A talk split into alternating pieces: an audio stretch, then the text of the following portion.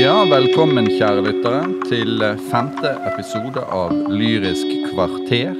Som blir en eh, Jon Fosse spesial. Eh, Vi begynner da naturligvis med å gratulere Jon Fosse med Nobelprisen. Eh, Hva syns du, Jørgen, om at han fikk Nobelprisen? Fortjent? Ja, jeg tror det var, eh, det var fortjent. Det var jo heller ikke så veldig overraskende, kanskje. I hvert fall ikke i Norge har vi gått og tenkt på ham som en aktuell kandidat lenge. Og, og, det, og det var han, viste seg nå. Mm. Ja. Det virker jo som at det har vært en eh, ganske sånn langvarig kampanje òg for å gjøre han eh, nobelprisfähig.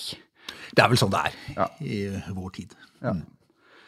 Det kjennes, jo, eh, det kjennes jo veldig greit eller fint og stas da, for oss på Vestlandet at, eh, at eh, Jon Fosse har fått Nobelprisen. Vi må jo si det.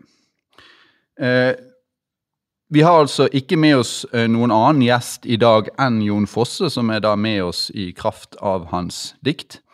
Og vi skal altså snakke om Jon Fosse som lyriker, naturligvis, her, da. Men samtidig så må det jo sies at Jon Fosse er sjangermessig svært allsidig som forfatter. Eh, Det er vel bortimot bare Bjørnson i norsk litteraturhistorie som er, har vært like allsidig.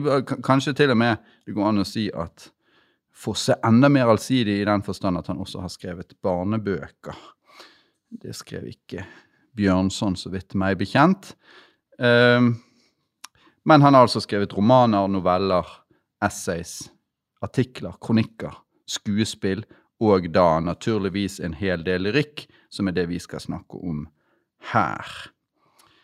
Eh, Når det gjelder eh, lyrikken til eh, Fosse, så er jo det i motsetning til eh, mye av de andre delene av forfatterskapet en ganske kort liste av bøker. Han skriver da 'Engel med vatn i augene', 1986. Eh, 'Hundens bevegelser', 1990. Eh, der har vi jo disse to eh, hovedmotivene, da. Engel og hund.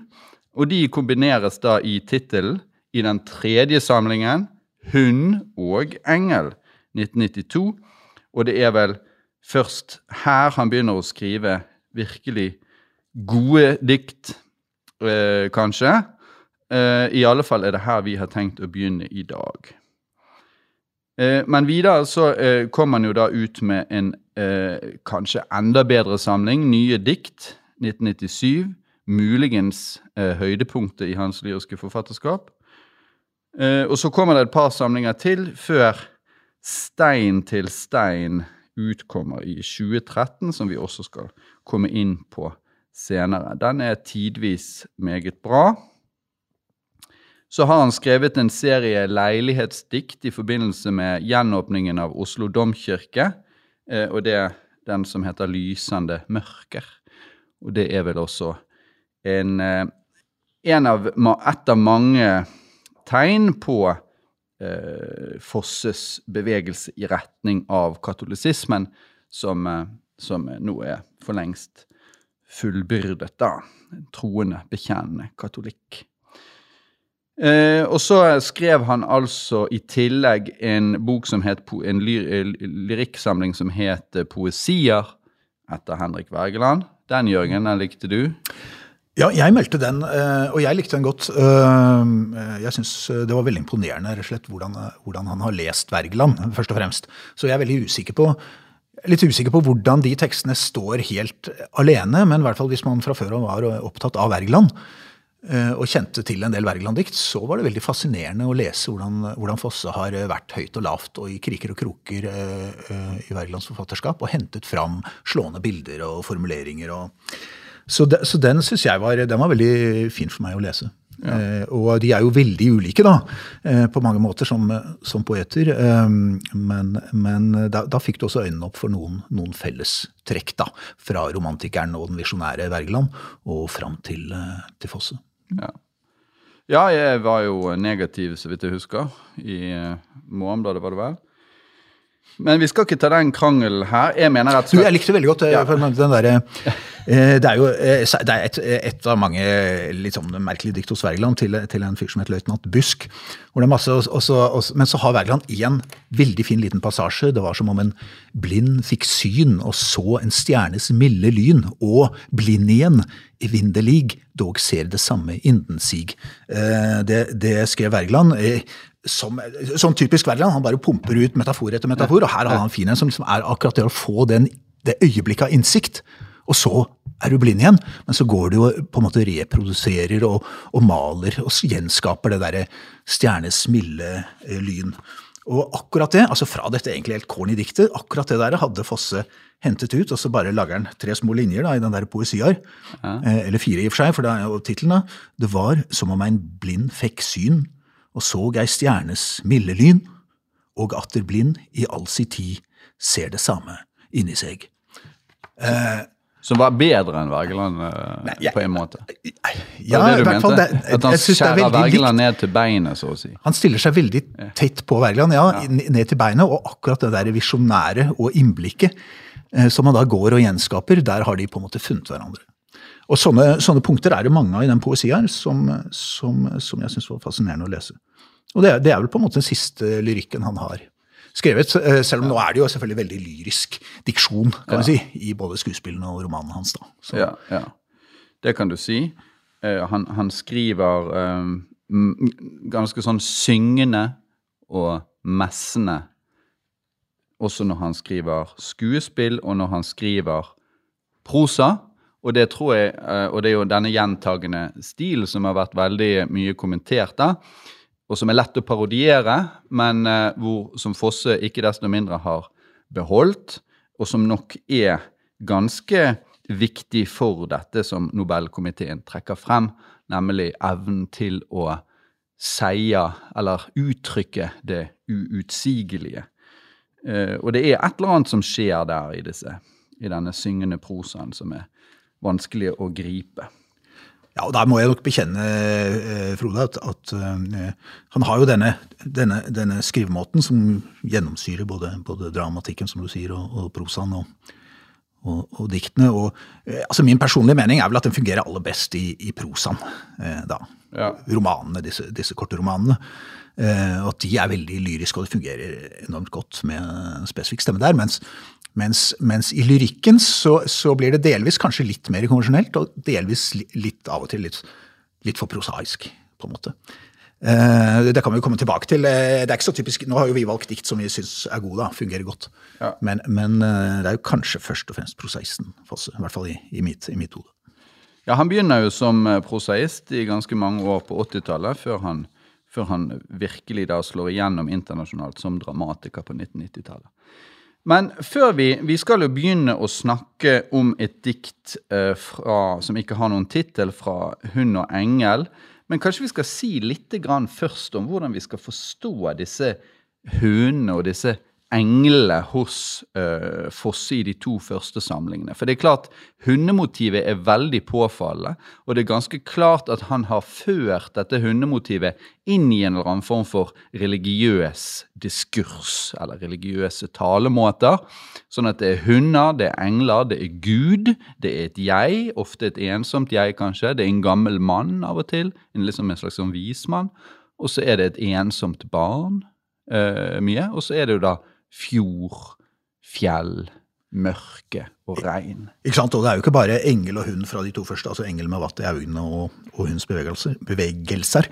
Eh, Men det er jo også dette med vann, da. Altså vannet. eh, Vann og himmel, himmel og hav, sånn å si. Og, og, og det med bevegelse og stillhet er jo også. Så det er, disse her gjenkjennbare motivene går jo, går jo igjen, da, og er veldig tydelig artikulert i de to første samlingene. Jeg må si at jeg, jeg hadde jo kjempeproblemer fordi at, med den hunden, særlig den hunden som du trekker fram. fordi at, fordi at eh, jeg har en sånn forventning, jeg hadde en forventning, ja, engelen det er da liksom en, en slags budbringer fra himmelen, og så tenkte jeg at da er hunden knyttet til livet, ikke sant, det er klart, eh, til denne verden, men også til noe demonisk, noe dyrisk, et eller annet knyttet til, til liksom, eh, ja, de negative, eller kanskje destruktive, eller ville sidene ved livet, men, men de er jo ikke det. Eh, Så jeg måtte lese ganske mye på disse diktene før jeg egentlig kunne helt på en måte føler føle at jeg er innforstått med, med den positive rollen som, som hun eh, sånn gjennomgående har her. da. Altså, det er en, Foss er en hundeelsker, tydeligvis. da. Altså, ja. Hunden er noe positivt. Det er, er en, det, er, det, det er også en slags uttrykk for en betingelsesløs kanskje kjærlighet eller nærhet, eller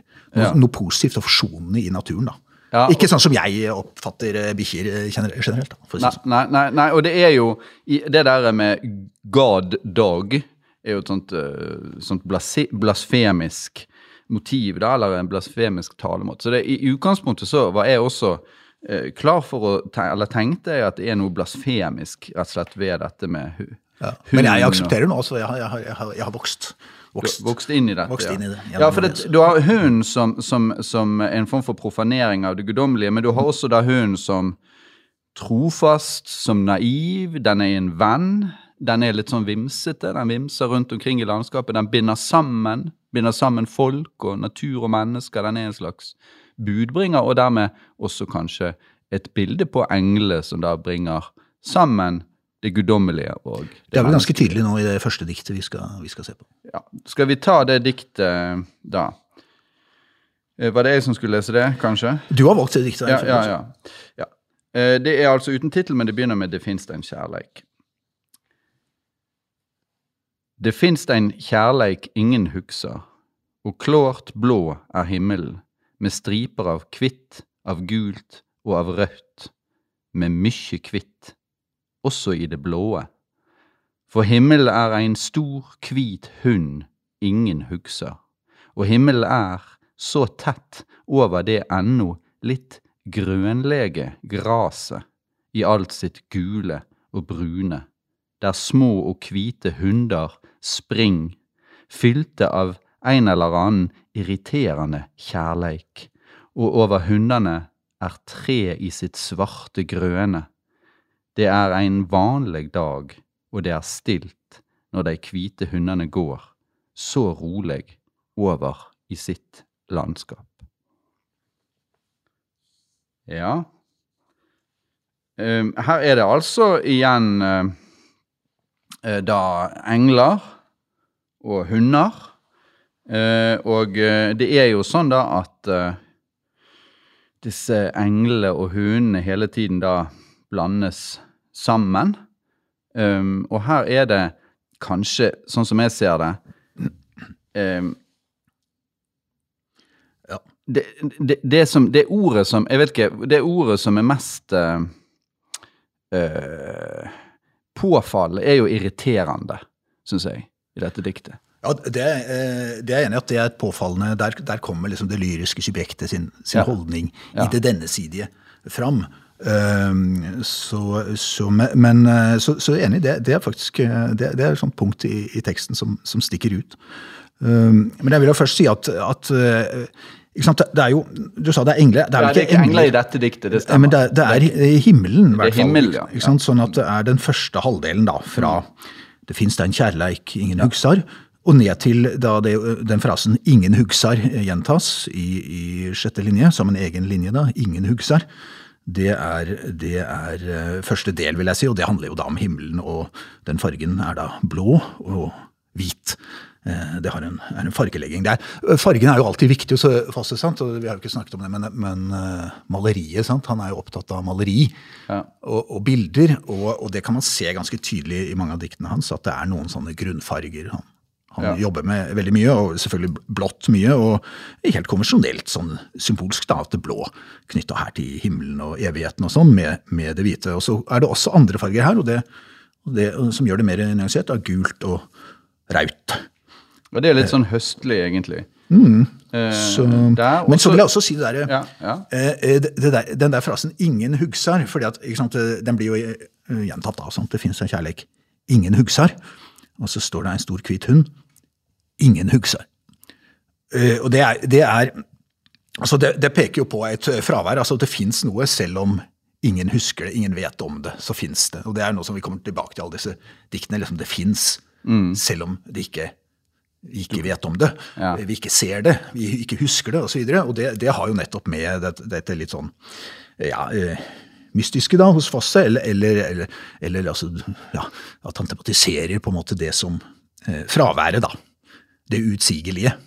Eh, eh, og der er det jo altså Akkurat det der 'ingen hugsar', når det gjentas altså hos, i, i, i retorikken til Fosse, da, som jo er preget av kan si, sånn eh, religiøs negativ retorikk, kan du si, så er det at ja, ingen husker det, det, det har jo en hverdagsbetydning, det er ingen som husker det, men, men i, denne, i, språket til Fosse så er ingen er ikke bare ingen. Si sånn. Ingen er noen. altså Ingen er et ord som peker på et fravær. Sånn som jeg leser det. Sånn at når det gjentar 'ingen hu- hugsar', og så gjentar det 'ingen hugsar', så er det på en måte noen som hugsar. Ja. Eh, som er det uutsigelige. Ingen, ingenting, disse ordene, som nettopp peker på Altså det er ord som peker på fravær. Ja. Eh, og, det, og det er liksom Men det er liksom viktig, og det, det, er, det er ikke bare banalt, det. Det, er- det også en liksom dyp språklig innsikt, da, eller syn på negative språk og forhold mellom språk og, og, og eh, virkelighet. da. Men hvis vi, ser på, hvis Sånn vi ser litt mer på utviklingen i diktet, da, fra det du har nå har sagt, du har oppholdt deg ved første, Ja. så er det himmel eh, først, da, og så er det ned da til der hvor de hvite hundene springer, og det er da nede i en vanlig dag. Ja, det er ganske sant. viktig. Ja. Eh, og så er det en hvelving over denne vanlige dagen, og det er tre trekronene som er svarte og grønne. Eh, og så er det denne irriterende kjærleiken. Og det, den irriterende kjærleiken vil jo jeg da knytte nettopp til en begjærsfylt hund, hundekjærlighet. Det som vi gjerne uh, uttrykker ved løpetid. Uh, sant? Ja, Der, ja, ja. De hundene fylt av en irriterende kjærleik, det forstyrrer på mange måter den religiøse kontemplasjonen. Her kommer livet inn. Her kommer det litt sånn forvirrende. Det er litt, det er litt På en måte profane inn da, i dette religiøse språket. Men det hører hjemme i den vanlige dagen. Men ja, Uh? Og da er det jo det at den irriterende kjærleiken uh, der nede i, i livet, da, i det denne, disse, disse hundene, uh, det blir jo da et ekko av eh, første linje, hvor det står 'det finst ein kjærleik ingen hugsar'. Og så er det jo det som skjer, altså, og da, tenk, da tenker du en slags sånn motsetning, som du sier, en slags sånn hundenes kjærlighet, også den eh, guddommelige da, eller himmelske kjærligheten det- der oppe. Men så, så glir jo de over hverandre eh, i siste, altså når de hvite hundene, altså de hvite hundene som løper rundt i landskapet, og den store hvite hunden som, som er et symbol for himmelen. da. Himmelen er en stor hvit hund, eller en stor hvit hund, står det der oppe. Og så, eh, så ender det jo, og det er jo det er jo veldig fossesk, da, at det ender jo sånn som jeg leser, med en slags positiv forsoning. Ja. Det er, han er en forsoningspoet, sånn at eh, det er vanlig dag, og det er stilt, det er stille, sånt. og så, når de hvite hundene går, så rolig over i sitt landskap, som det står. Så ut av det der landskapet, det der hverdagslandskapet som du har pekt på, og over et eget landskap som er deres eget landskap, som er de hvite hundene. Og da står det jo ikke om de er store eller små, da, er, er liksom den store hvite hunden i himmelen, som kanskje basis i en sånn eh, ikke sant, en, et sky, en sky som, som ser ut som en hund, som, som er noe guddommelig, da. Og disse, disse hvite hundene som løper rundt med sin kjærlighet, som tilsynelatende eller som irriterer oss kanskje i hverdagen, eh, men som, som her, her smelter det på en måte sammen. Ja, så det er så sånn ligger- Ja helt enig. Så ligger, ligger, legger stillheten seg over også disse hvite hundene. De blir på en måte nærmest, nærmest transcendente til slutt. Så de er på en måte litt tilbake inn til begynnelsen av diktet. De er rolige over i sitt landskap. Ja. Og da er det mikro, Guds uh, makrokosmos, så å si, da, forent i harmoni med, med, med uh, jordelivets mikrokosmos. Og dermed så har du egentlig et romantisk dikt.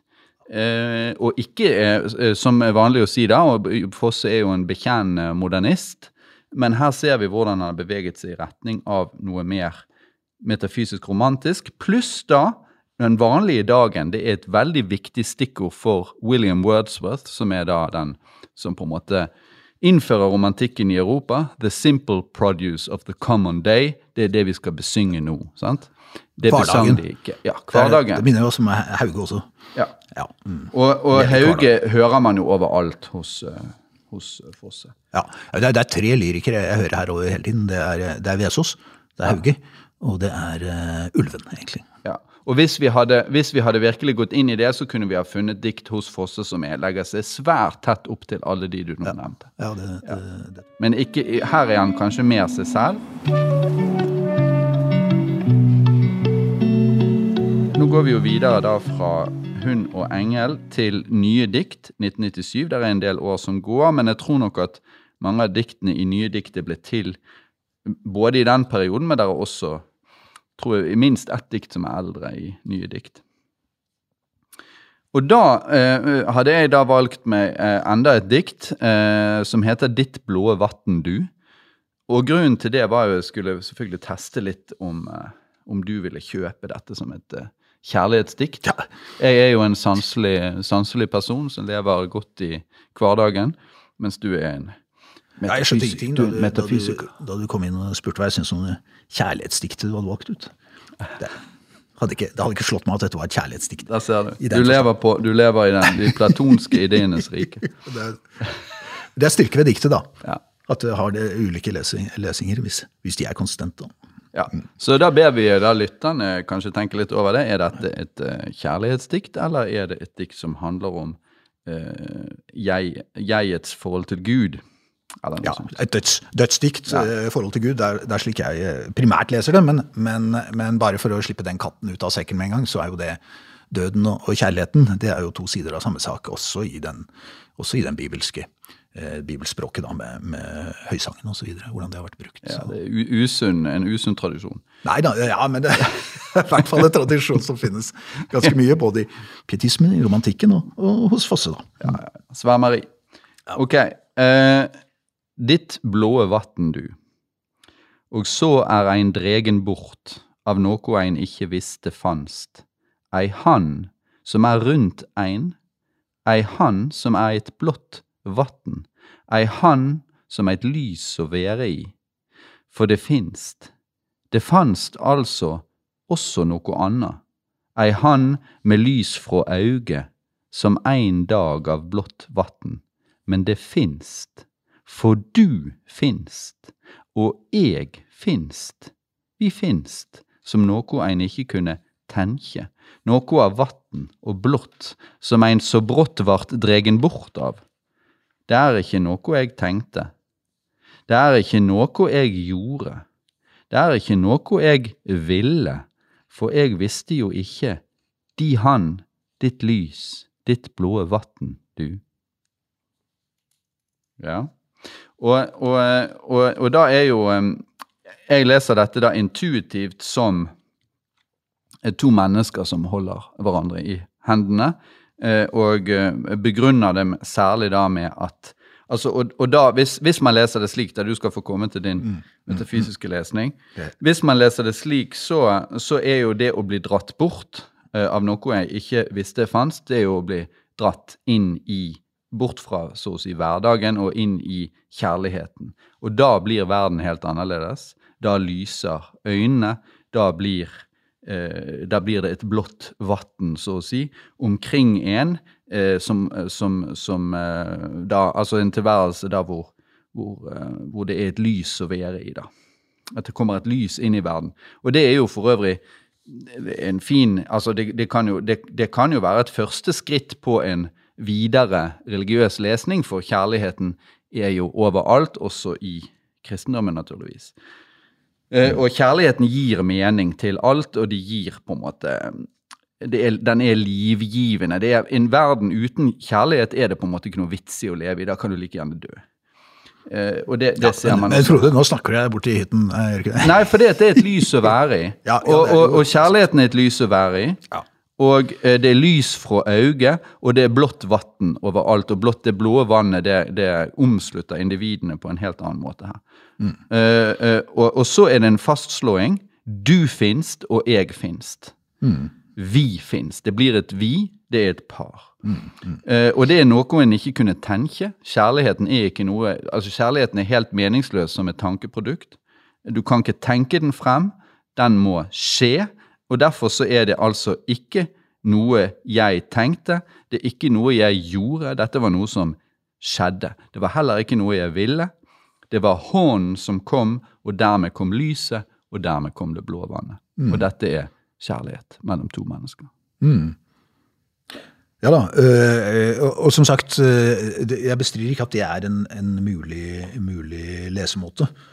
Uh, så, så, hvis man vil lese det som et kjærlighetsdikt, så fungerer det jo da tydeligvis eh, som et kjærlighetsdikt. Jeg, jeg, var veldig overrasket, for det hadde rett og slett, det hadde ikke slått meg, bort, bortsett fra som sagt den generelle den generelle observasjon at i veldig mange både religiøse dikt og kjærlighetsdikt så kan duet fluktuere, kan du si, mellom en, et elsket annet menneske og Gud, da. Eh, og at det er en slags lang tradisjon for det, som sagt i, i salmer da, og i religiøs poesi. Så, men, men, men, når, når Paulus sier den, når kjærligheten er størst av alt, da mener han kjærligheten til Gud? Ja, det, det, er som man leser i alle bryllup. så, så, det er en misforståelse, det er en misforståelse i alle bryllup.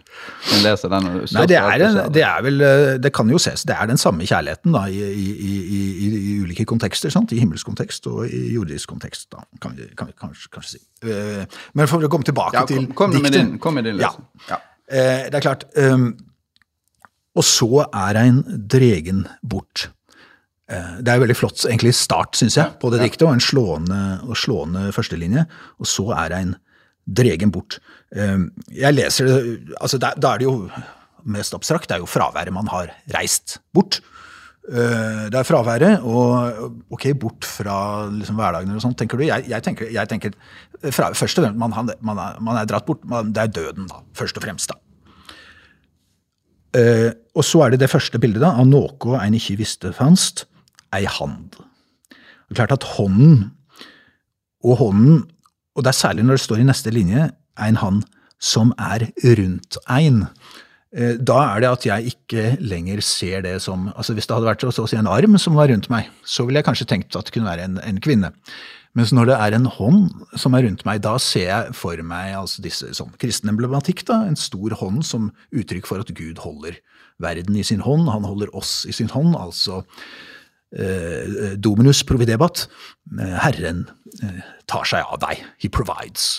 Og, det, og, da, og da, da, er jo et helt standard da, emblem med en sånn hånd, og av og til i, i, i kristen emblematikk da, så kan du til og med si at i den hånden så er det et øye. Gud ser alt. Han ser deg, og han holder deg. og det, For meg er det jo veldig ei hand som er rundt ein. Da er det det er den store hånden, altså. Det er ikke, eh, det er ikke si, min samboers eh, eh, lille hånd. Ikke til forkleinelse for henne? Nei, absolutt ikke. Tvert imot. eh, eh, og så er det jo selvfølgelig da dette et blått vann, og det, det, er jo Men det blir jo mer sånn fossespesifikt, dette med vannet som vi var inne på, som, man, som jo også er et veldig sånn tydelig eh, transcendenssymbol, eller et sted der, der jord og himmel, så å si, eller verden og himmelen møtes, i det blå vannet. ja enn han. Og også det et lys, da, selvfølgelig, at det kommer den lyssymbolikken. Så du har da en ikke sant, Du får den derre symbolske rekken, da, en sånn veksling. ikke sant, Du har en, en hånd, vann, blåhet, lyse, øye, eh, som liksom bygger på hverandre. Eh, som er da dette duet. Og det er, jo det, det er jo det i siste linje. ikke sant? Så er det de han, ditt lys, ditt blå vatn, du. Det kobles igjen, denne lille metaforrekken der. Og også, i og for seg midt i, eller i femte linje, ei han med lys fra auget som en dag av blått vann, og det finnes det, osv. Så videre. sånn at for meg er det veldig ja, Dette er da i hovedsak for meg må være et, et religiøst dikt som egentlig handler om, om døden. Og dødsopplevelsen. Og, og, sånn sett er jo veldig, veldig originalt. Du kan si veldig konvensjonelt da i emblematikken, men veldig originalt i selve settingen. At liksom diksjonen, det lyriske jeget, er på en måte en, en opplevelse av å å finnes og være i døden. da. Eh, sånn at, sånn det, og det, det, er for meg veldig originalt. Og det er jo, det er jo litt slående i diktet. Du sa jo det er jo det derre For du finst, og eg finst, eh, vi finst, som kommer da midt i diktet omtrent. For det begynner jo ikke med noe jeg, ikke sant? det begynner med ein. Så ein, det er noe ein ikke visste, og så kommer jeget og duet midt i diktet, eh, hvor det da hvor du da også får den, Som jeg også forbinder egentlig med, den, med religiøse eh, språk, da, eller retorikken. Dette med at du finst og jeg finst. Det er da singulært. mens til sammen er det vi finst. altså Sånn at du får den leken med pronomene. At, at liksom, det er du og ditt, det er jeg og mitt. er liksom, Man er delt opp i denne verden, men i det guddommelige, eller i døden, så smelter man sammen til et vi. Som, som jo er liksom, er hentet fra Eh, det er jo hentet fra bl.a. Johannes-evangeliet, hvor det er veldig mye sånn eh, The making of no mine and thine. Altså opphevelsen altså, splittelsen som ligger i pronomenbruken, eh, og bevisstheten rundt det, det er noe som jeg ser at Fosse jobber med, og, og også som jeg knytter til det, det ja, som negativt språksyn. Da. Ja, altså jeg må si at du, du Jeg vet ikke om du merket det selv, men, men, du var jo overbevisende lenge her. Men når du kom til det der med 'du finst', og 'jeg finst', og 'vi finst', der begynner det å vakle litt. Fordi at det er, høres ut som livet, det høres ikke ut som døden. sant? Sånn at uh, det, det, det, For meg så, så, hører jeg en som vil ja, men, både vil leve, og som mener uh, men du, han eller hun lever. Du, Frode, det står jo ja. Uh, 'men du finst, jeg finst, vi finst', som noe en ikke kunne tenke. Og det er som det er, jeg, jeg dreier bort av noe en ikke visste fanst.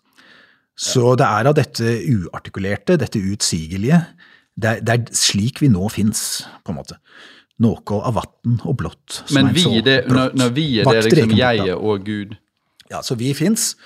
Eh, vi fins, ja, men vi fins som noe utenkelig, som noe av vann, noe blått, eh, som en så brått ble dregen bort av. Og det var jo altså den hånden, da. Så det er jo, det er jo enheten med dette, dette guddommelige, sånn som jeg ser det. Ja. Og så kommer jo disse negasjonene. Det er ikke. For du har jo det der det, det fins, det fins, det fins, som gjentas der oppe. Og så er det det er ikke noe jeg tenkte, tenkte. Det er ikke noe jeg gjorde. Det er ikke noe jeg ville. For jeg visste jo ikke. De han, ditt lys, ditt blå vann, du. Ja. Og du, da, til slutt, det er den eh, utsigelige jeg, Gud, det som, som man da er smeltet sammen. Det som i din lesning da blir eh, originalt, det blir eh, for meg litt vanskelig da, fordi at jeg syns rett og slett diktet er for positivt og for sanselig til at, til at jeg godtar at dette handler om døden, altså.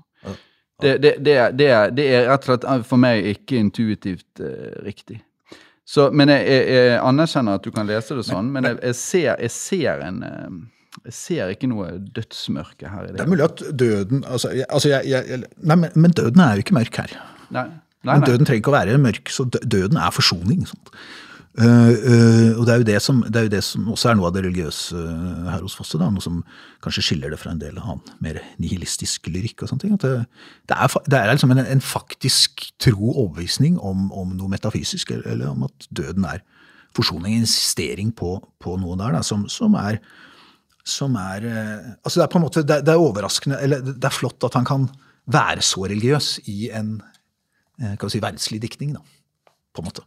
Ja. Og, og, at eh, på en måte folk kjøper det og gir deg nobelprisen og sånne ting. For, er, for, det, for, dette er jo ikke typisk for hvordan eh, liksom, eh, folk dikter i dag, og hva som er hva, altså de metafysiske nivåene i, i moderne diktning, sånn som jeg ser det. Har en ganske særegen stemme her. Han går veldig langt Jeg synes han går veldig langt i å, å trekke det religiøse inn i verdslige lyrikken. Og, og, for min del, jeg syns det er flott, altså.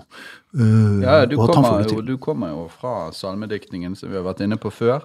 Mens jeg kommer fra ja, Jeg er ikke noe konvertitt eller bekjennende kristen, eller noe sånt, men, men, men, men at, at, han gjenbruker disse tradisjonene og dette språket og disse forestillingene og, og får det inn da i denne, dette manende, nynorske, liksom repetitive, men egentlig enkle språket. Det, det, er, eh, det, er, veldig særegent. Det ja, syns jeg. Ja. Det er bra. altså. Ja, jeg vil jo da si at alt dette blodet og dette vannet ja, ja. Vent nå litt. Ja, ok. Vent litt, da. Ja, Vær fort, da. Vær kjapp, da.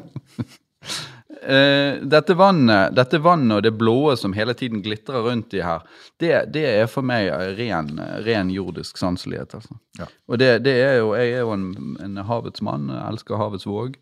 Uh, mm. Og det er klart, man bringer jo inn mye av sitt eget når man leser. Men, uh, ja, men det er, jo at, det er jo at det metafysiske er til stede i de sanselige, hverdagslige erfaringene. Det er klart.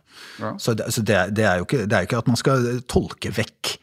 Man skal ikke tolke vekk Eh, liksom, eh, sansningen av en hånd og, og, et lys og et øye og sånne ting, det, eh, eller, eller bølgende skulping og sånne ting, det er, det er, jo de veldig konkrete små sansningene som peker mot, da, som gjennom kunsten da, peker mot metafysiske.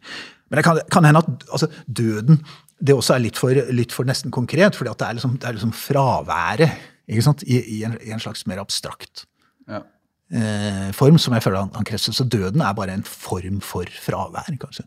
Som også kan være et slags, Ikke dette diktet, kanskje, men i andre steder kan det jo være mer sånn metatematisk at det er subjektets fravær i teksten. og sånne ting. Altså, altså det sklir over i, i den typen. Ja. I, i Så, ja.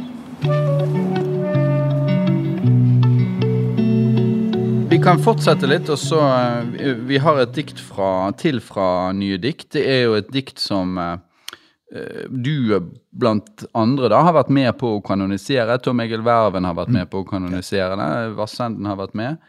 Eh, Du kan lese det. Det, er også fra Nye dikt.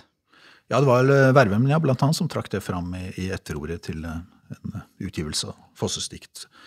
Brukte vel det som tittel 'Jeg er ikke lenger'. Så, så det, er kanskje, det er kanskje det diktet som liksom er mest på trappene til å bli et kanonisert Fosse-dikt. da. Eh, og det, det har jo veldig mange paralleller med det vi allerede har snakket om, så det blir kanskje litt sånn, litt sånn gjentagelse her. Men det er, det er vanskelig å ikke å komme helt utenom gjentagelsen når man snakker om Ja, forfatterskap hvor det er så mye gjentagelse. Jeg kan jo bare si til eh, lytterne at det at noe er kanonisert, det betyr altså at det er, så å si, eh, har stempelet som et slags varig verk i norsk tradisjon. da. Ja, ikke sant, At det får det at det dukker opp kanskje i antologier og sånne steder, eh, og etterord og blir tolket litt, og så kan det dukke opp på en pensumliste her og der, og på skolen, i skolen kanskje blir det brukt, og så, og så glir det inn, og så blir det et slags referansepunkt. da. Ja. Så det er, mulig at, det er mulig at det er dette Foss-diktet som er nærmest på det, jeg vet ikke, men, men det, nå bidrar jo vi litt til det, da. Et Ja. blant flere. Ja. Det er i hvert fall, det er, det er kort, og det er, det, er, tydelig, og det er veldig Foss-aktig, og, og tar opp mange av de tingene vi allerede har snakket om, kan si. Jeg er ikke lenger. Det er for stille til at jeg kan sjå fargane falle. Ingen av de gamle er lenger i det bevegelige vatnet. Det er for stille, og altfor lenge siden. Men eh, den grønne løa trenger jo malast, og ungane trenger jo en trygg stad å leike. Jeg er ikke lenger, men bare i deg, og i eit blått, som lun og rolig varme og graset skulle vært slått. Jeg ser det nå. Ja. Ja. Ja, er dette et, er dette et eh, høstdikt og et dødsdikt? Ikke sant, Høstdikt, Gresset skulle vært slått, jeg ser det nå.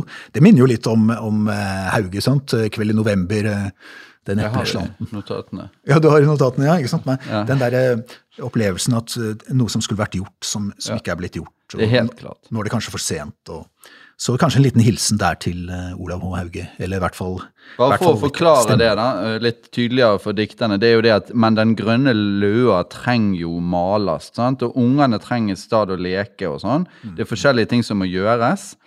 Og Hauge han har i dette diktet 'Kveld i november', så har han blant annet da en det han kaller for en, eh, en eple... Epleslump. Slumpen. Epleslump som er oppe i toppen av et tre som han ikke har fått høstet inn ennå. Og så sier han det at det er mange ting han skulle ha gjort, men akkurat den epleslumpen får jeg berga hvor som er, så er i minsto ei sut kvitt. Altså da har han én sorg mindre hvis han i det minste får gjort én av de tingene. Og, og så er det jo også på, i slutten ikke sant, av kvelden november, eh, så er det jo eh, månesigden som er ute, og så står det ei saknads solbunde åt ei myrk jord, sånn at månesigden klipper solstrålene som aks, så å si, og, og, og, og gir dem til den mørke jorden. Og det er jo også et, et dødsbilde, da, og her eh, slutter det også med at dette gresset skulle vært slått. Altså, ikke sant, ljåen, det er, det er et dødsbilde. Eh, og, et, og et bilde på, på, på et- Eller sånn konkret naturbilde, da. Jeg ser det nå, gresset skulle vært slått. Så, så akkurat den der, den der kuttingen der er også kanskje en mulig liten hilsen til, til Hauge, uh, som har litt med, med døden å gjøre. Men, men la, oss eh, snakke, at, la oss snakke igjen litt om diktet som helhet, for dette, som sagt, det minner jo ganske mye om, om det første diktet vi tok opp, strukturelt sett, mener jeg. For her også er det en slags todeling, eh, hvor, hvor første delen, altså det er for stille eh, til at vi kan se fargene, altså det er for stille i gjentas, da, i fjerde linje. Så der er det, der er det stillheten, og i dette tilfellet altså et fravær av alt et fravær av fargene. Det er for stille til at jeg kan se fargene Ja, falle. ja, men hva betyr det? Vent, tar, la oss ta det. For det er jo gåtefullt. Det er for stille til at jeg kan se fargene falle. Med andre ord, det å se fargene falle, det er noe som, som man vanligvis kan. Men nå er det for stille til at han kan se det. Og, og fargene faller, hvis du leser det som et høstdikt, så blir dette løv som faller, kanskje, da. Og da er det i så fall en metonomi for løvet som faller ned. Men det kan jo også være en, en eller annen form for visjon, altså at den sanselige verden blir fargeløs. Ja, eh, altså Jeg leser det jo ikke først og fremst som et høstdikt, jeg leser jo også, også dette som et dødsdikt. altså. Det skulle jeg kanskje presisert. Jo, jo det, nei, det sa du, men spørsmålet spørsmålet hva betyr det at det er for stille til at det kan slås Ja, det betyr så, sånn som jeg leser det, da. Hvis, ja. hvis det er et Ja. mål å få alt til å passe, falle ja. på plass i en slags forslag. logisk Forslag. fortelling. Ja, så, så, så måten jeg ser dette for meg, er jo at jeg er fraværende og er så fraværende. Altså det er en, prosess, det er en utvikling i dette, dette hvor, hvor i den første delen så er jeg helt fjern fra verden. Et sted hvor det er for, for stille, hvor, han ikke kan se på en måte fargene lenger. Kan ikke se de gamle. Han er, han er fjernt fra verden, rett og slett. Og Et sted hvor det er helt stille, og eh, også da tidsmessig. Det er altfor lenge siden. Men så, så skjer det noe. Så skjer det en slags tilbakevending ikke sant? av jeget fra, fra, den, fra fraværet da, til et nærvær. eh, som kommer med dette, denne vendingen da midt i diktet. Men Ja. Eh, Så da får du liksom et, et slags lyrisk subjekt tilbake. Ah, Veldig, veldig parallelt da, med det der eh, 'Det fins det en kjærleik', hvor du også får denne, denne bevisstheten, denne nærheten som syns disse hundene er litt irriterende og sånne ting. Her er det ikke noe irriterende, men det, det blir en nærhet som lever seg inn i det som skulle vært gjort. da. Denne eh, grønne løa som står. Eh, og vi legger merke til, altså her er det jo bare to farger. Vi snakket om det hund og engel, så var det både gult og rødt og sånn, men hovedfargene der er jo blått, eh, blått blandet med hvitt, og så er det grønt blandet med sort. Og her er det jo også den grønne løa, og så er det på slutten hvor han da Altså hvis vi har det i, i tre deler, da, ikke sant? men den grønne løa trenger jo malast, og ungene trenger et trygt sted å leike. Det er på en måte det verdslige, da. Verden som vekker han tilbake, som bringer han litt tilbake i en slags erindring. Men, men kan jeg da Og så er det tilbake til 'jeg er ikke lenger', altså et fravær, men som det er da et forsonet fravær igjen, men bare i deg og i et blått. Da er han likevel eh, Han er i, i dette blå, da. Men- som men, lun eh, og men, eh, roleg varme, hvor da dette lune og rolige blir veldig parallelt til det ordet rolig, som også fantes i siste linje i Det fins det en kjærleik ingen hugsar, sant? som er det forsonende igjen. Men Kan jeg- kan jeg- kan en uro kan helt til slutt. Gresset skulle vært slått. få Hilsen slippe til? Ja, nå kan vi slippe. okay. Ja. Det er problemet når man er professor, at man, man holder forelesning hele tiden, og man gir seg aldri. Og du snakker om deg sjøl? Eh, Begge to. Ja. Eh, og, og, men, men sant, eh, når, han sier 'jeg er ikke lenger', Ja. betyr det at det er en Jeg ser det at du, du tolker det som et slags fravær. Da, da sier du vel egentlig at det er bortimot noe i nærheten av en røst fra graven.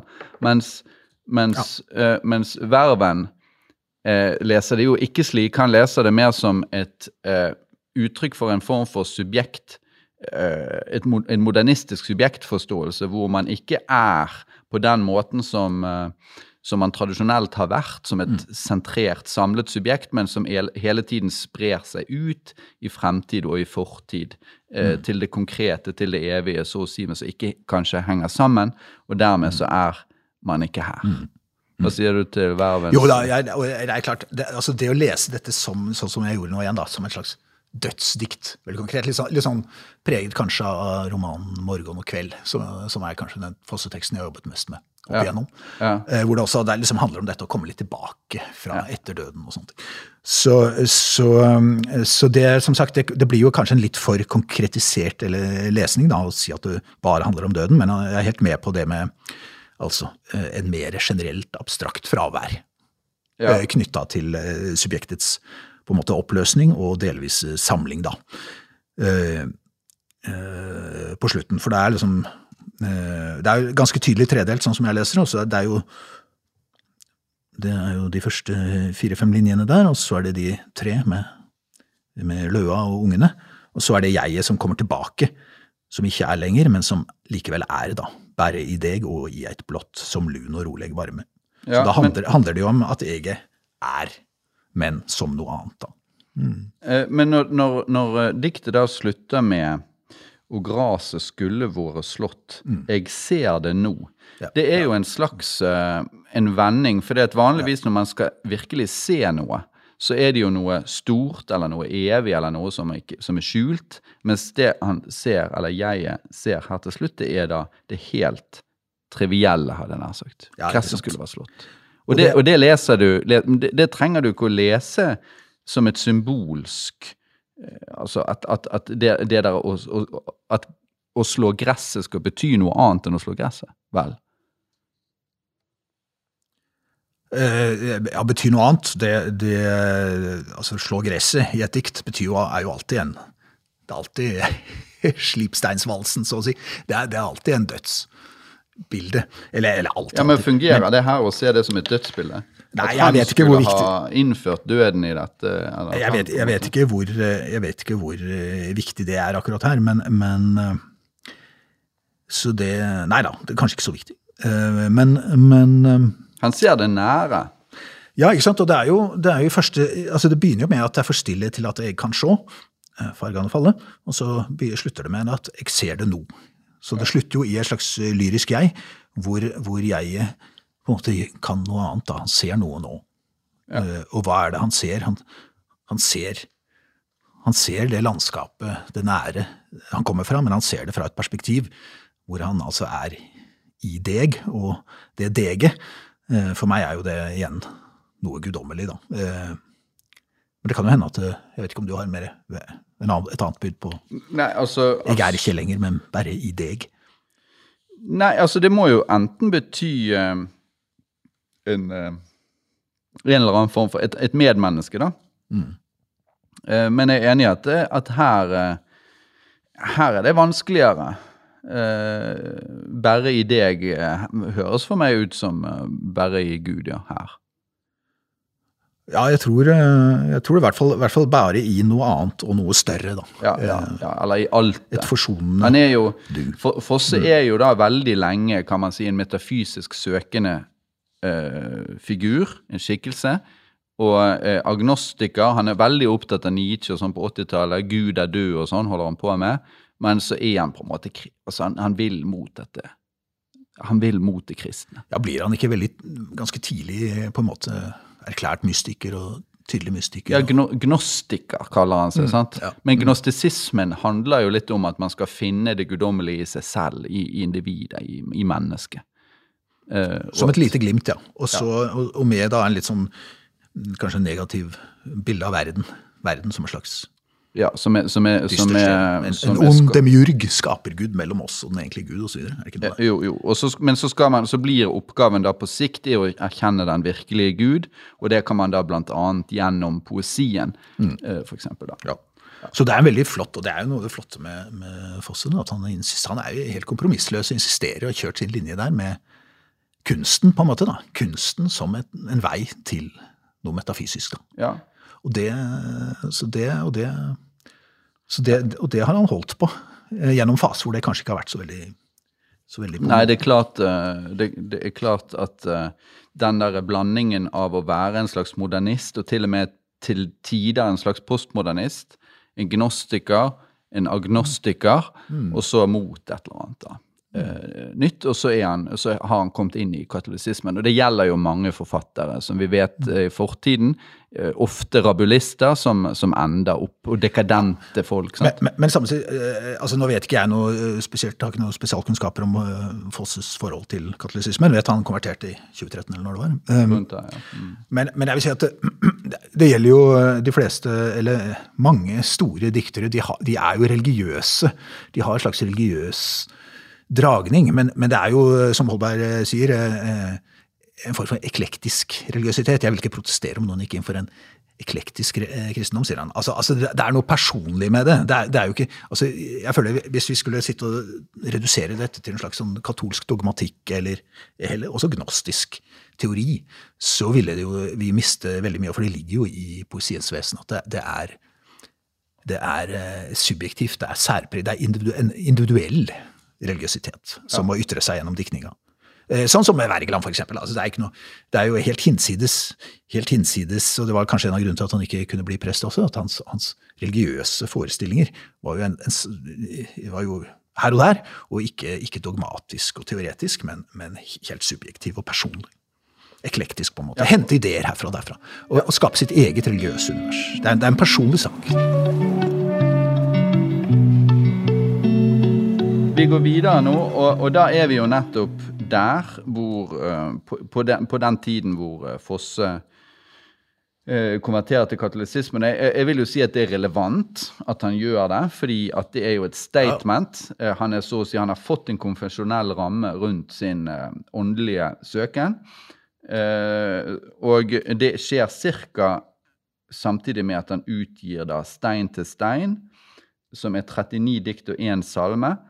Og der hadde du valgt deg denne Wallace Stevens uh, Wallace Stevens-inspirerte diktet 'Mann i snø'. Så du kan jo lese det, og så kan vi jo se litt på relasjonen til Stevens uh, litt raskt. da. Vi kan ikke gå veldig dypt inn i det. Nei, men uh, du kan få lese Stevens etterpå. Vi, vi, kan jo, vi har vel tid til å Ja, det. ja da, vi gjør det. Men det er jo det. er som, som det står, da, fritt etter Wallace Stevens. Så det er ikke egentlig en gjendiktning, det er mer, mer en slags varia, variasjon, da, kan vi si.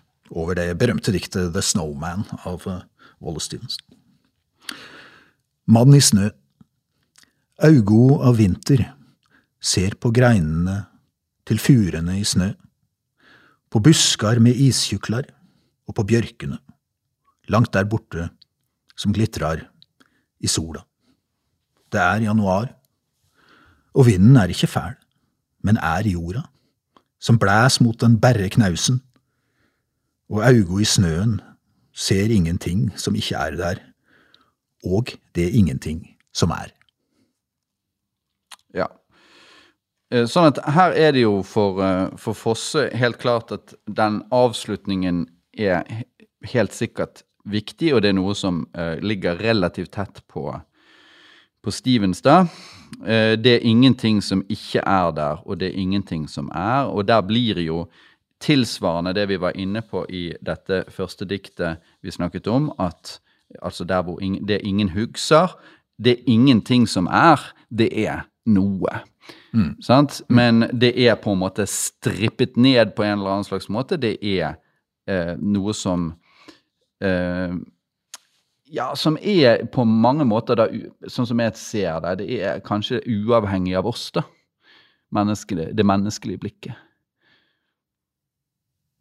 Ja, ja, ja, Eh, ja det kan du si. Eh, Men det er klart, altså det er jo det derre Jeg husker eh, da jeg begynte å lese, så, så var jo folk opptatt av dette, av dette med gnostisisme. og sånt. Det var jo ikke bare Fosse som var opptatt av det. Det var en fyr som het Olsson, en svenske, som hadde en bok som het 'Lesninger av intet'.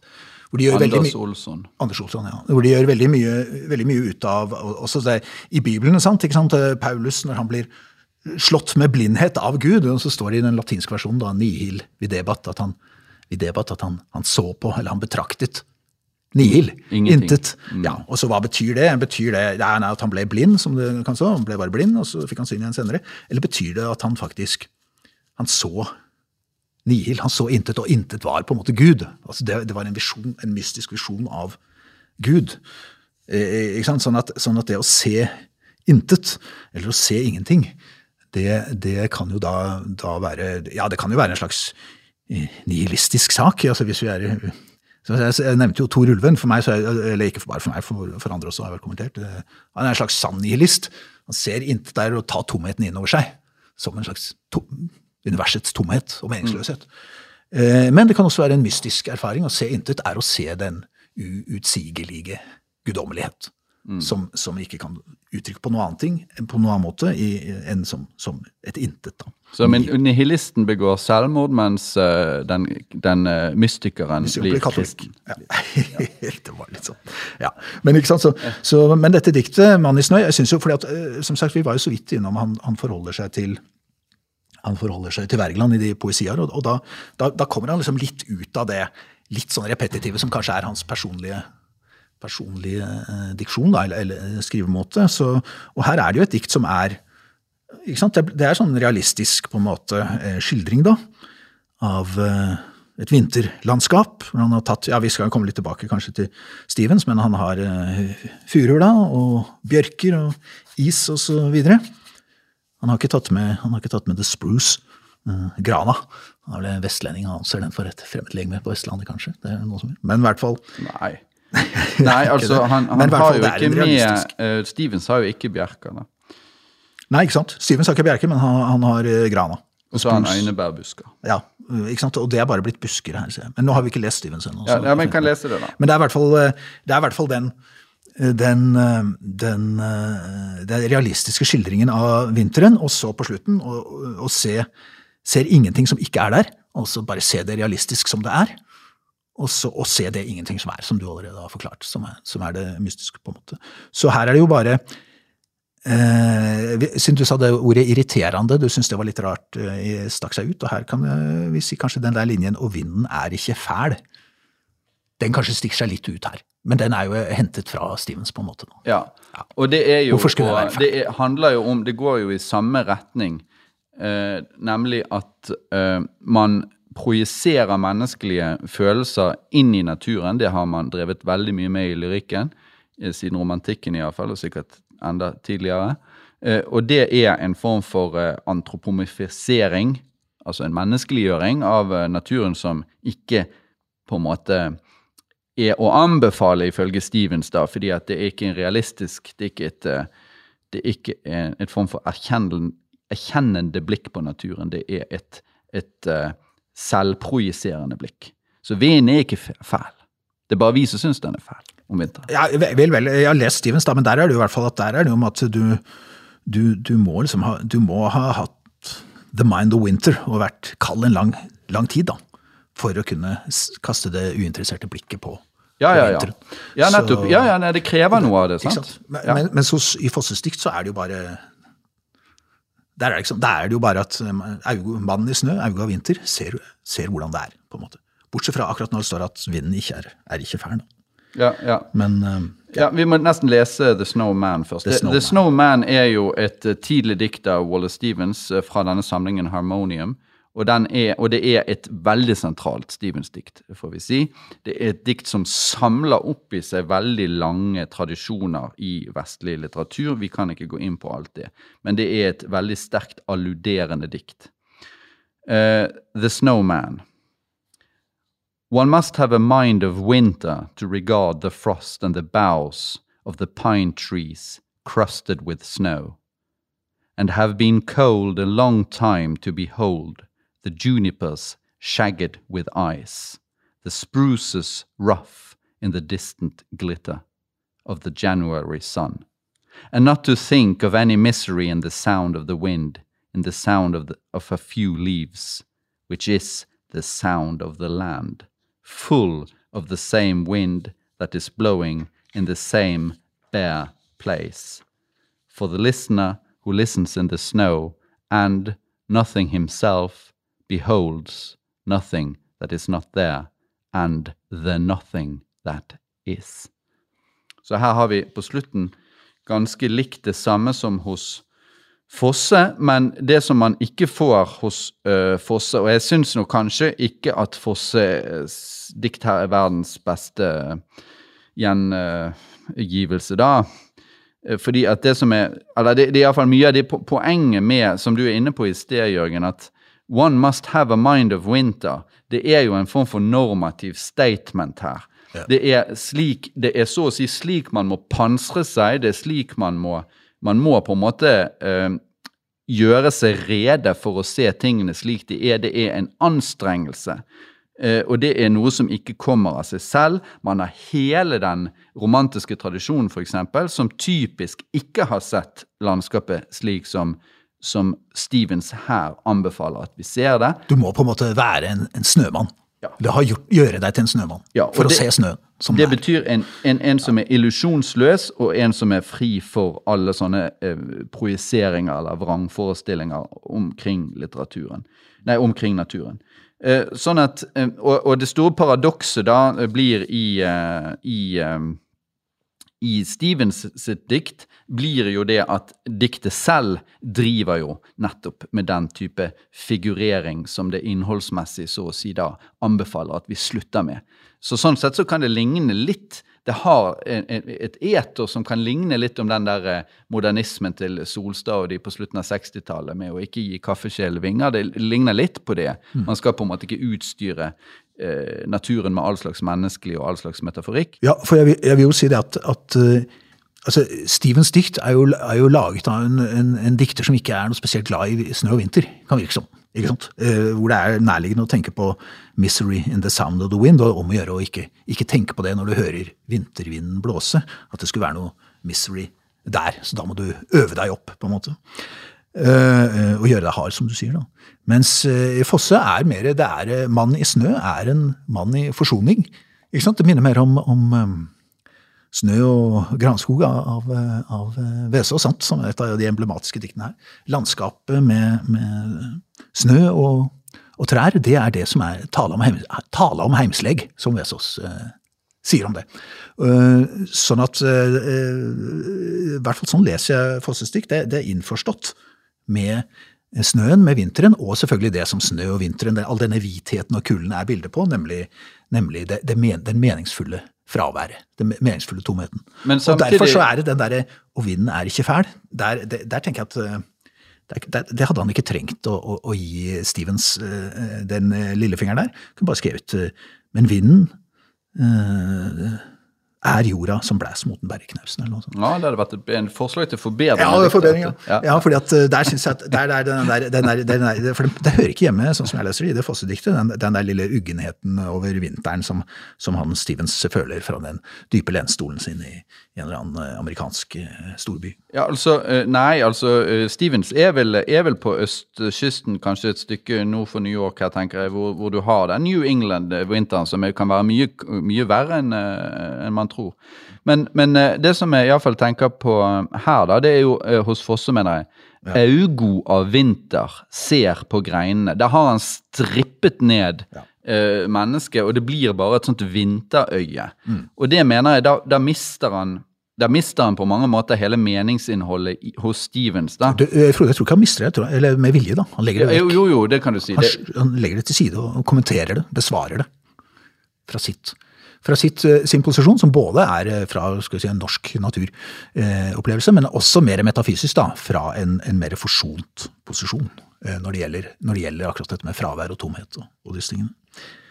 Tror jeg. Ja, det, det, er kanskje det, men, men Og Augusten. Ja. Og så mister han, og så mister han ja, selve Eller han, han dropper, kan vi si, sløyfer selve det sentrale bildet, nemlig 'The Sound of a Few Leaves'. Ja, er, which is bort, the eh, sound of the land. Han tar bort hele uh, The Listener. The Listener ja. dukker jo ikke opp hos han i det hele tatt. Det er ikke en som lytter, og det er ikke fra, fra liksom det visuelle til, til lyden av vinden og sånt. Så, så, vinden blir litt Ja, det blir hengende litt. Akkurat den der vinden er ikke fæl, men er jorda som blæs mot bergknausen. Den, den henger litt du må nesten vite om Stevens for at, skal, for at du skal se hvorfor det står der. Ja, sånn og det er jo etter, det, Nå står det jo etter Wallen Stevens, ja, så, så han leder ja. leseren i den retning. da.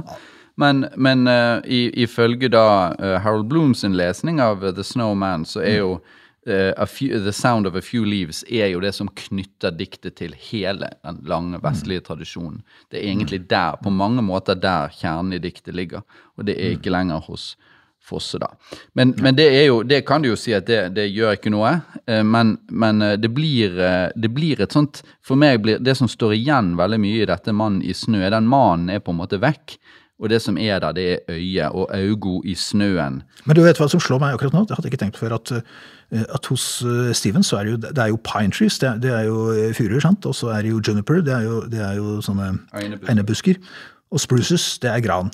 Og så kommer det jo, Men det er ikke noen løvtrær, men likevel så kommer disse livsene. Men, men, men, så de, det er et lite ekko av the leaves i, når han innfører, som du sa, bjørkene. Ja. Løvtreet. Så bjørken, uh, underforstått, som har mistet, mister sine, sine, blader om vinteren, da. Mm. Som slukkes ut ved første gys, som det står i Nils Kolles Fugts 'Varia blått en gran i skogen'. Hvor disse, mm. disse bjørkene er det ubestandige om vinteren. Men, eh, men eh, så, så det, bjørken der har kanskje en liten, liten funksjon når det gjelder akkurat de, de fraværende løvet, da, eller de fraværende bladene. Som, som, jo ellers ikke er til stede i, i Fosses dikt, men som er viktig, som sier sjøsjø. Men du får, du får uh, på, på, mange måter et, et vinterlandskap som, som, er, som du sier, et, et, svar i den forstand at det er bare vinterlandskapet ja. egentlig hos Fosse. Men, ja. men, hvordan vurderer du egentlig eh, Fosses dikt her i forhold til Stevens? Syns du det er bra?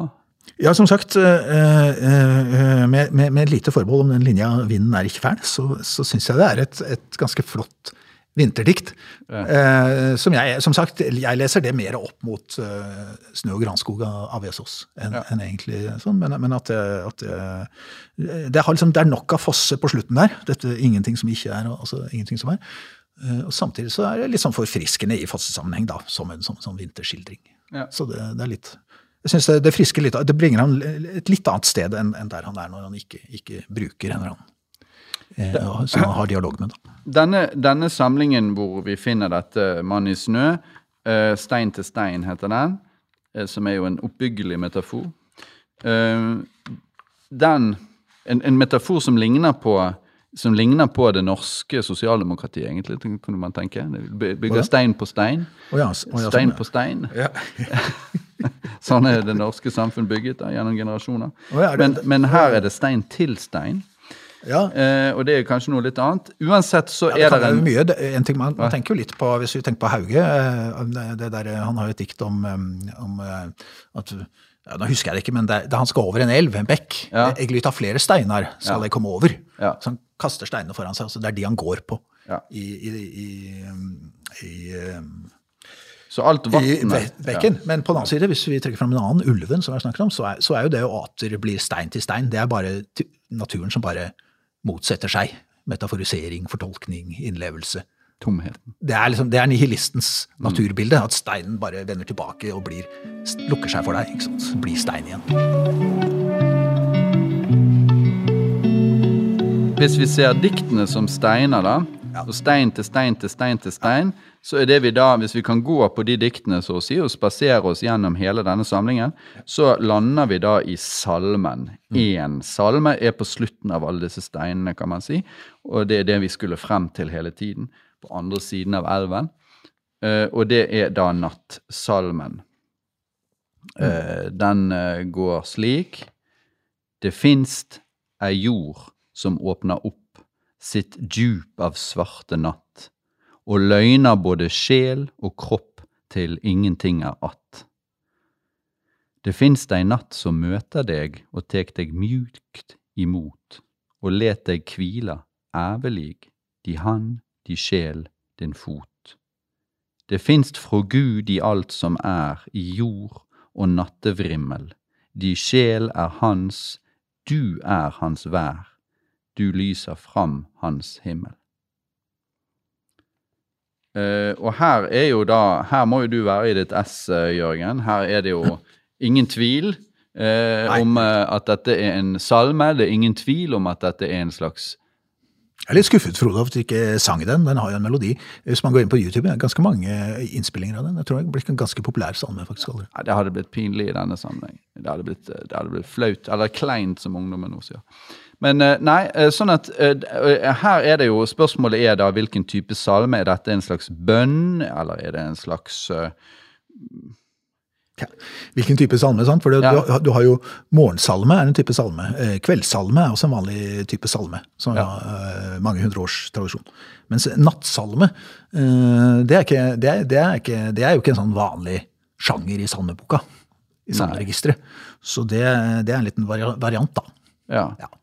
Og det, kom, og det er jo men, men samtidig, natten er jo da en sånn typisk romantisk trope, sant? hvis du går til Ja, ikke og sånn. Så det er, det er Hymnen, hymnen an di Nacht heter de. Ikke sant? Det, det er et dypere, Ja.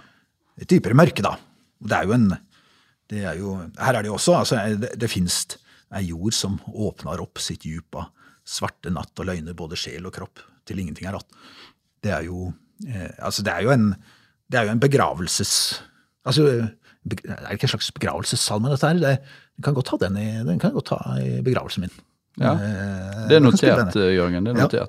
Så- jeg må lære meg melodien da, hvis jeg skal synge. den. ja, men den melodien synes jeg var litt Men jeg kanskje må jobbe litt mer med den. Jeg synes den var så fengende. Sånn det. Men du blir slukt av natten her er det første. sant? Du blir slukt av natten. Det, ble, eh, det, det, det første er at du blir slukt av jorda. Eh, sånn. Mens natten den er jo tvert imot personifisert i andre strofe. Det fins en natt som møter deg og tek deg mjukt imot. Jeg vil litt tilbake til den hånden i, i første. Eh, og let deg kvila evig, i hand, i sjel, i fot. Eh, kanskje hvis vi skal trekke inn det, det katolske, litt sånn eh, pietà.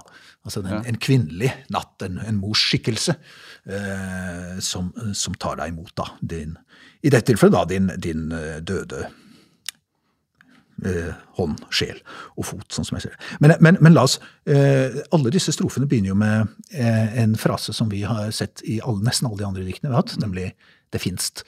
Og sånn sett så er jo dette veldig sånn typisk fossespråk. Det finst, det finst. Og så er det forskjellige ting som finst, men bare det derre 'det finst'. Og det, det er litt sånn kjepphest for meg, fordi jeg skrev, skrev en gang en analyse av Jesus dikt 'Det ror og ror'.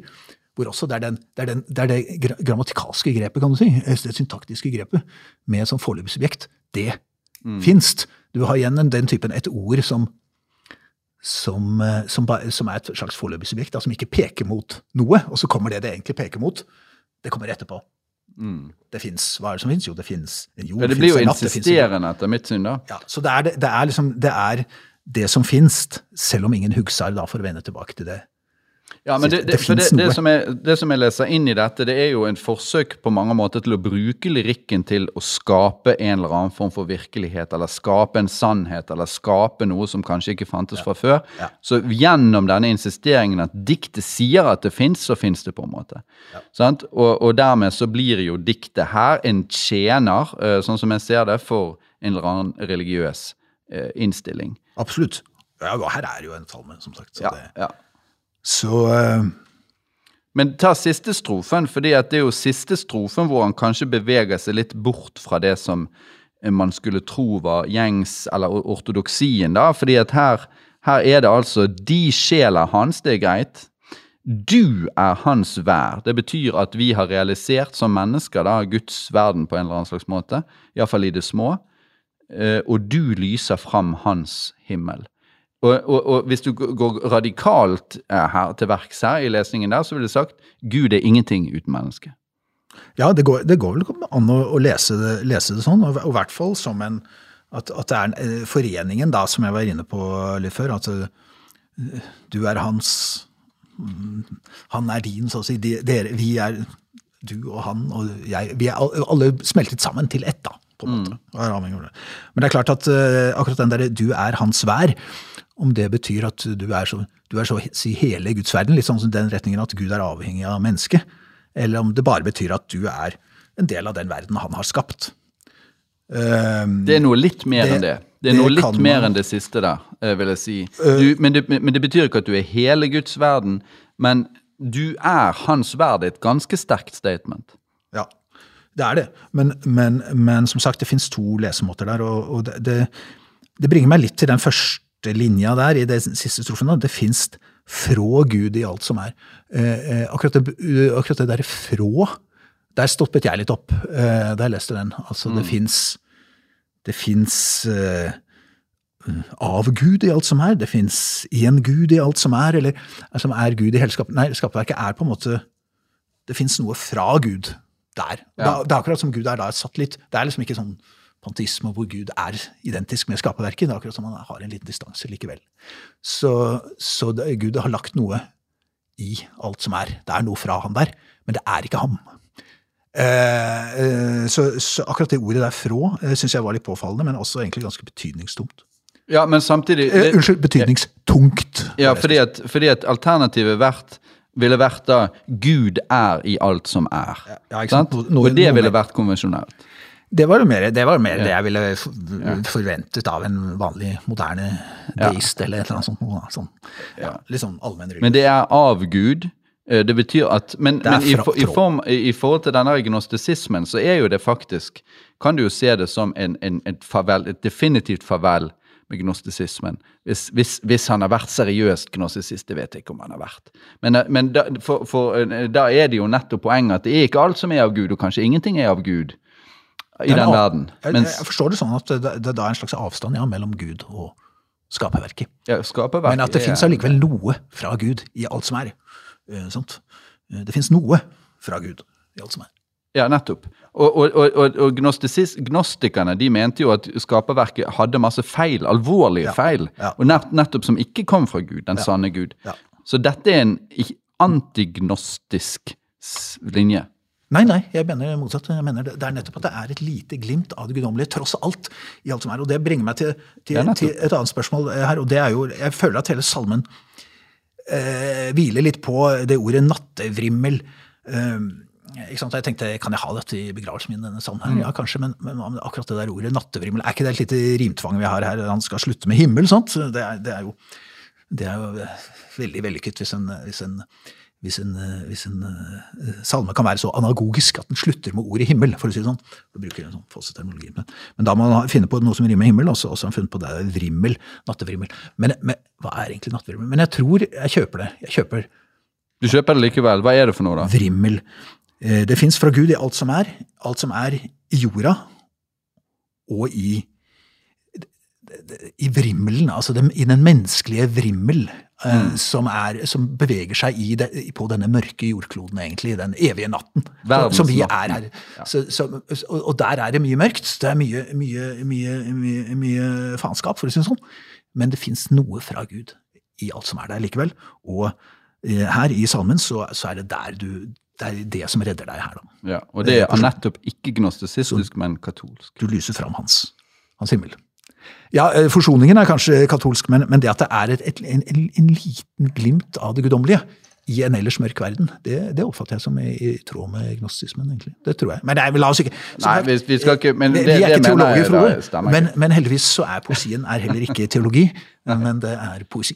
Ja, ja, ja. Men det, det, fint, det var fint, uh, fint, det der du sa om verdensnatten der, fordi at det er jo Men da, men da får, du jo, da får du jo samtidig da en en litt sånn negativt bilde på, på, jordelivet, da, som kanskje er min store, min store kritikk, eller min, grunnen til at jeg ikke er sånn, sånn kjempestor venn av kristendommen alltid, som du er, det er jo den der farverden, farvel-kristendommen. Den liker jeg ikke, og har aldri likt. Uh, sånn sett, uh, altså det der med at, at den, jo, den, jorden vi det lever finnes, på Frode, eh, det fins et veldig sanselig potensial i barokkens uh, verdensfornektelse. Ja, ja, ja. ja. Ja, ja. Men, men, men det er noe Det er noe ikke Det er ikke entydig heller, dette diktet hos Fosse, og det viser jo at han er fremdeles da en, en poet, også etter at han blir katolikk. Ja da. Og nå, nå, nå, men det gir seg vel kanskje sjøl. Vi nevnte jo ikke siste linje i første strofe til 'ingenting er rått'. Det er klart at 'ingenting er rått' betyr jo her Det er det er ingenting som er rått. Noe er rått. Noe er det, er usigelig. Og nå er ingenting att av denne podkasten. Eh, og dermed så takker vi for oss, eh, og håper at dere eh, vender tilbake til sjette episode av Lyrisk kvarter.